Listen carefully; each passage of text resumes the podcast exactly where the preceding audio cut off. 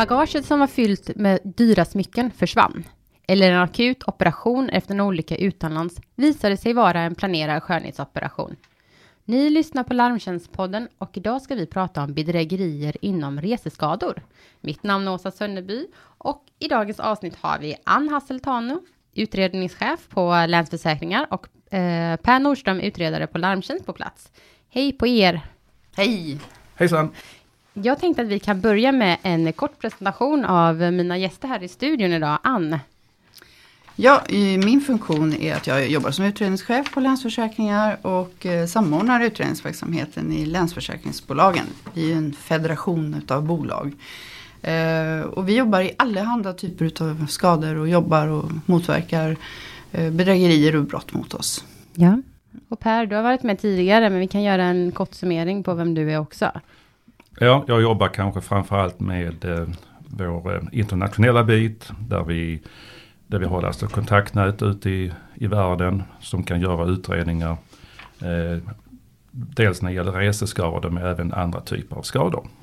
Mm.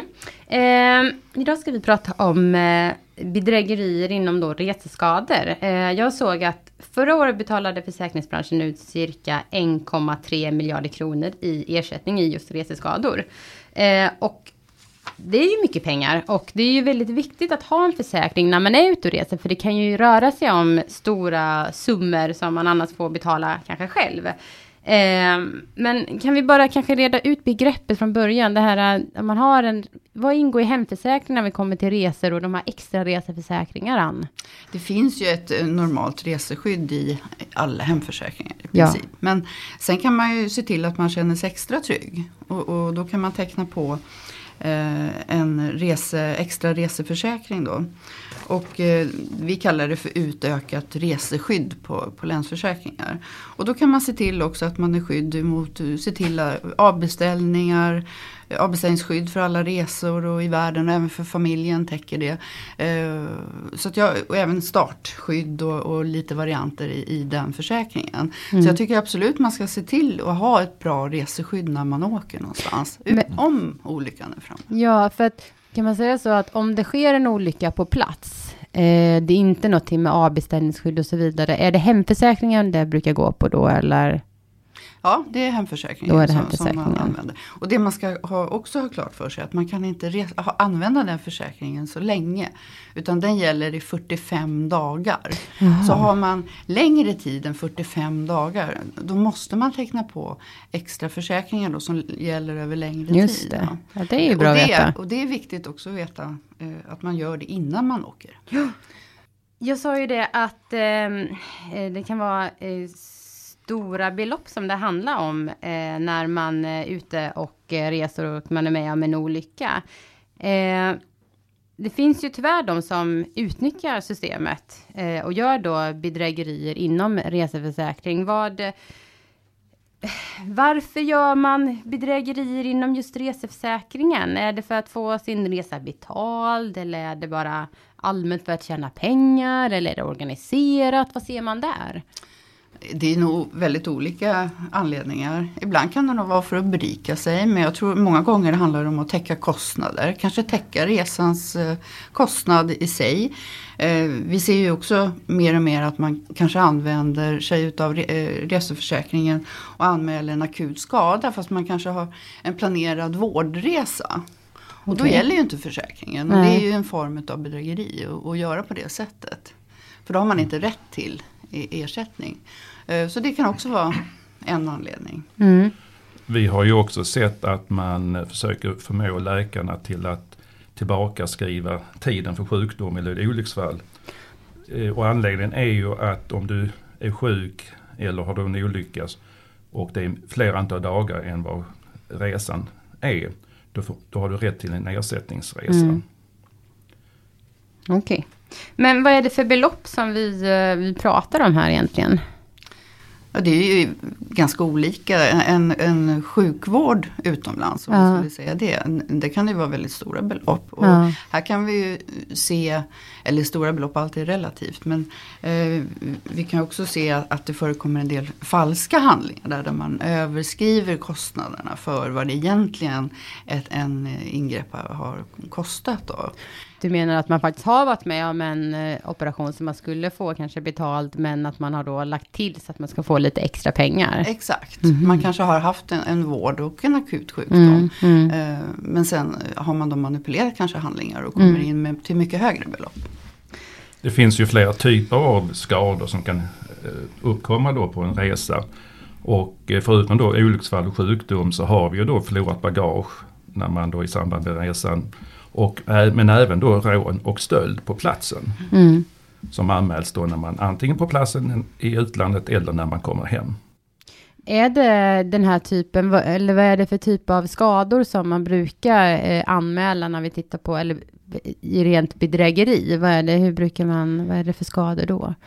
Om jag tittar på vår statistik ja. eh, så är det mest stölder mm. det handlar om. Men det är också... Vad blir man av med? Ja det kan vara olika typer av lösare men det kan också vara dyra klockor och, och smycken. Mm. Och, och, här kan man väl också flagga för att det är viktigt att inte lägga dyrbar egendom i sina resväskor. Om nu för, för det försvinner väskor, mm. eller hur Per? Mm, det är rätt. Så att eh, det kan vara eh, olika typer då. Men det är också vanligt förekommande då som, som jag sa gällande sjukdomsfall. Men vanliga så här, stöldskador ändå. Och så ska man självklart eh, använda sig av säkerhetsskåpet som oftast finns på hotellen. Ja. Att man verkligen låser in eh, värdesaker och passen. För pass, det är ju så här, passen är väldigt eh, attraktiva för tjuvar idag. Svenska pass speciellt. Eh, man använder i samband med annan brottslighet. Och eh, helst ska man vara väldigt rädd om de här passen. Mm. Men eh, Per, du nämnde tidigare när vi pratade lite vid sidan om här att eh, det är ganska mycket, eller det är väldigt mycket väskor som faktiskt försvinner. Du hade, du hade några siffror från, eh, från Kastrup. Ja, man, alltså inte bara Kastrup utan det handlar om hela världen. Mm. Alltså, eh, runt om i världen så, så handlar det om ungefär 22 miljoner väskor som eh, far runt eh, i världen. Och eh, ungefär hälften får en så kallad not, eh, not, notifikation om att någonting har hänt med väskan. Mm. Och då säger då knappt 10 miljoner väskor. Men av de här 10 miljoner väskorna så är 78 procent är en försening av väskorna bara. Mm. 17 procent är där ska, väskan är skadad eller har, har kanske öppnats att man gör ett klagomål. Och ungefär 5 procent eh, uppges att de väskorna är borta, att mm. man har förlorat väskan. Och det är där då man, av de här, där man hittar kanske bedrägerierna då också. Exakt hur mycket det är, är svårt att säga. Jag antar att det är ett stort mörkertal där också. Ja, det finns ju mycket uh, indikationer och om man tittar lite grann på omvärlden mm. så säger man att det är ett ganska högt antal bedrägerier mm. av skador som anmäls. Men om vi tittar på det vi jobbar med hos oss så är det ungefär 5% av de utredningar vi har som, som är reseskador. Kanske runt 100-150 eh, utredningar per år. Mm. Som vi jobbar med. Ja. Man ska, man ska ju tänka på också att det, det flyger ungefär 160 000 plan om dagen mm. runt om i världen. Och om man tittar på den här statistiken då så är det kanske då 1500 väskor varje dag som eh, Eh, rapporteras ha försvunnit på ett mm. eller annat sätt. Så att det är ju självklart att det försvinner jättemycket väskor då. Men mm. Eh, det vi jobbar med det är också att försöka motverka att man felutnyttjar försäkringen. Och det är ju någonting alltid i slutändan som också påverkar premien eh, för våra kunder. Så det är viktigt att vi betalar rätt ersättning till rätt kunder. Mm. Mm, absolut. För att du nämnde lite här i början just det här om man varit med om en, kanske anmält om man varit med om en eh, operation. Eh, som kanske visade sig då varit en skönhetsoperation. Eh, för jag läste ganska nyligen också om att det var en person som faktiskt hade blivit dömd för att de hade lurat försäkringsbolaget. Eh, att man, man hade anmält en akut operation för näsa, men det vis, eh, att, operation för näsa, men det visade sig då vara en skönhetsklinik som man hade varit på. Eh, det, jag tycker det är intressant att man, man är ganska finurlig för att, få, för att få pengar för de här operationerna som man gör. Mm, och det kan ju vara allt från att man kanske vill göra som du säger en skönhetsoperation. Mm. De har vi sett exempel på både när det gäller då kanske näsor och annat. Eh, det kan också röra sig om tandvård. Mm. Tandvård är, är, är, väldigt dyrt och där kan man ju också få det billigare utomlands. Mm. Och där har vi exempel på ärenden där vi har haft eh, personer som har påstått då kanske att man har ramlat av en motorcykel och, och sådär. Eh, och fått tänderna förstörda. Mm. Men egentligen är det här i förväg inplanerad mm. tandvårdsbesök som man gör. Mm. Och i det specifika fallet som jag tänker på nu då. Mm. Eh, det var det faktiskt så att eh, det blev en polisanmälan i slutändan på det här. Mm. För det var höga belopp, det kostar ju mycket ändå. Mm. Så eh, det blev en dom på det också. Mm. mm. Men hur, hur undersöker man sånt här? Det känns som att det kan vara väldigt svårt att kontrollera när det sker en olycka utomlands. Där sjukhus utomlands och hur jobbar man där inom försäkringsbolagen? Dels har ju vi SOS International. Per som du känner till väl också. Uh, och där är, har vi utredare som jobbar. Men sen är, är det ju så att många av de här som vi jobbar med på bedrägerisidan. Det är kanske inte alltid de passerar SOS. Och då är det viktigt att vi har kontaktnät och, och kan kontrollera på plats. Så det är mm. faktiskt det som sker att eh, det är inte vi själva som åker och kontrollerar Nej. här på plats. Nej. Men eh, däremot så, så, har vi personer och kontaktytor som gör att vi kan eh, besöka sjukhus, kontrollera kvitton, eh, besöka butiker och annat. Mm. Mm. Man, kan, man ska tänka på det att om du råkar ut för en olycka eller en sjukdom så är det en larmcentral som du kontaktar för att få den första hjälpen, så kallade den här akuta hjälpen. Mm. Och då är det antingen då som du sa en SOS International, men det finns ju även larmcentraler som Falk och vissa andra centraler som hjälper till med detta. Och de här eh, larmcentralerna har ju kontroll på de flesta sjukhus, hur mycket det ska kosta i de här länderna. Och därigenom kan se vad, vad kost, om kostnaden ligger rätt. Mm. Och Eh, är det längre sjukdomar, så, eller längre tids sjukdom eller olycksfall så går oftast eh, SOS eller Falk in och förhandlar med sjukhusen för att få ner kostnaderna. Ja, okay.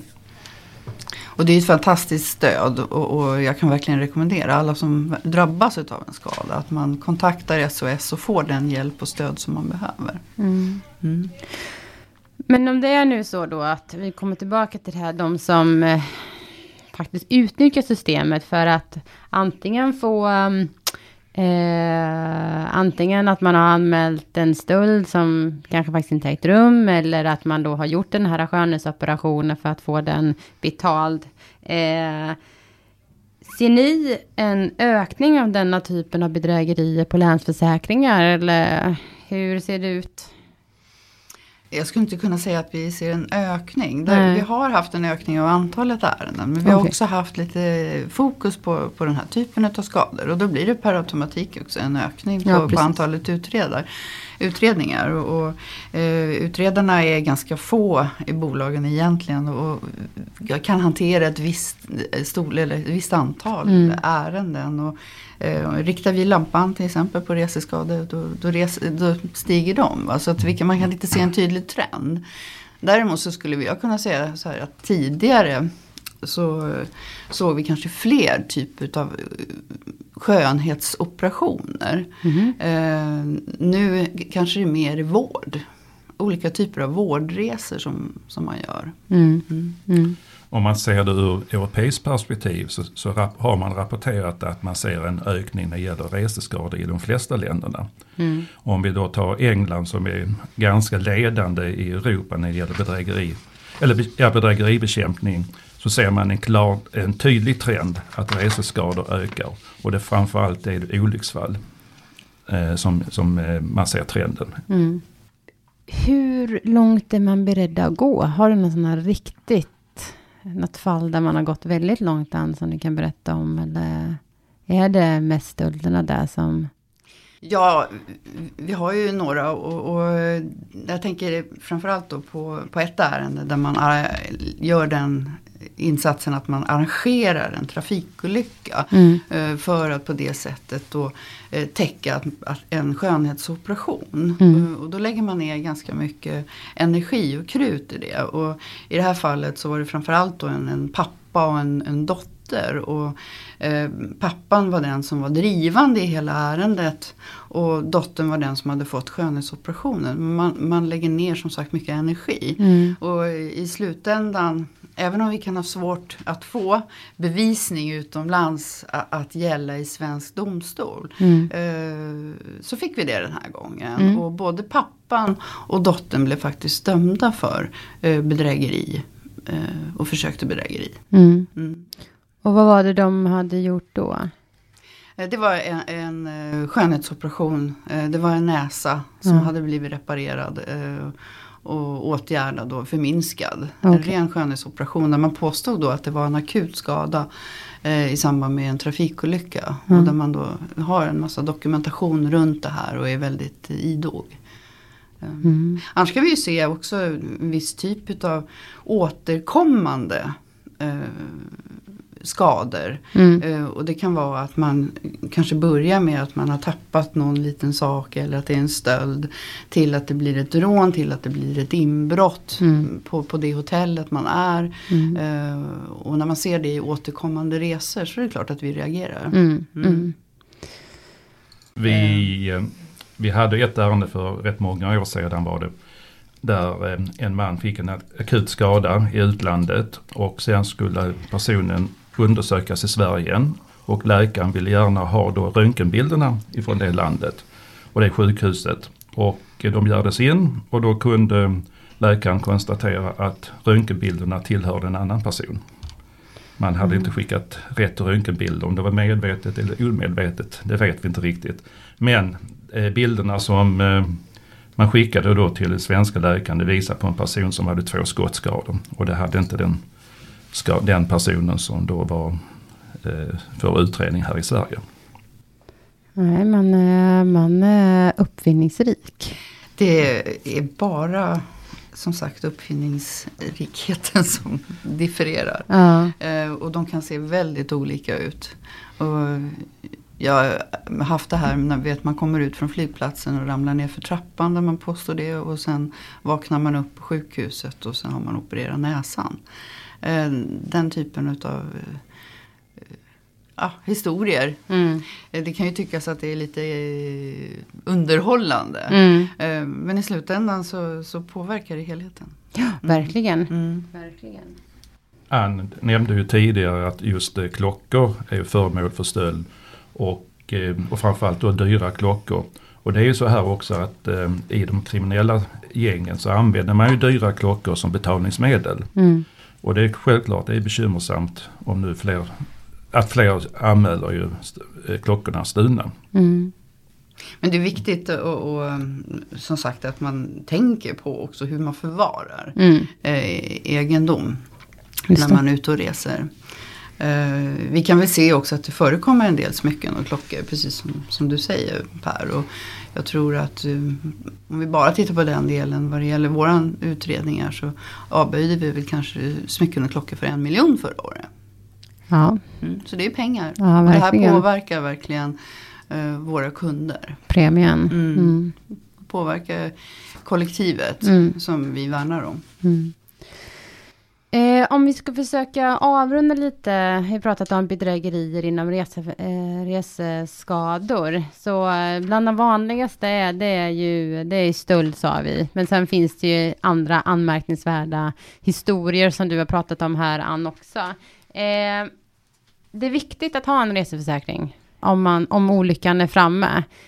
Finns det något annat som ni skulle vilja ha sagt innan vi avslutar eh, det här poddavsnittet? Eller har vi fått vi har... allting på plats? Nej, det kan vi bara nämna om vi nu pratar eh, följer bedrägeritemat så, mm. så har vi ju ett ganska så brett nätverk runt om i Europa med kontakter där, som gör utredningar för vår räkning i utlandet. Och det har ingen betydelse om det är Sydamerika eller om Thailand eller någon annanstans. Nej. Utan nätverket sträcker sig hela världen Mm. runt. Mm. Men jag tycker fortfarande att, att eh, ett bra kanske avslut eller en sum på det här det är att se till att man är trygg när man är ute och reser. För olyckan kan vara framme. Och att man skaffar sig rätt försäkringsskydd. Och glöm inte de 45 dagarna. 45 dagarna. Tack eh, Ann och Per att ni har varit här. Eh, ni har hört Larmtjänstpodden, en podd från Larmtjänst som är en branschorganisation för sakförsäkringsbolagen med syfte att bekämpa försäkringsrelaterad brottslighet. Dagens gäster var Ann Hasseltano och Per Nordström och jag heter Åsa Sönneby. Dela gärna podden i alla era sociala kanaler. Tack för att ni lyssnade så hörs vi igen.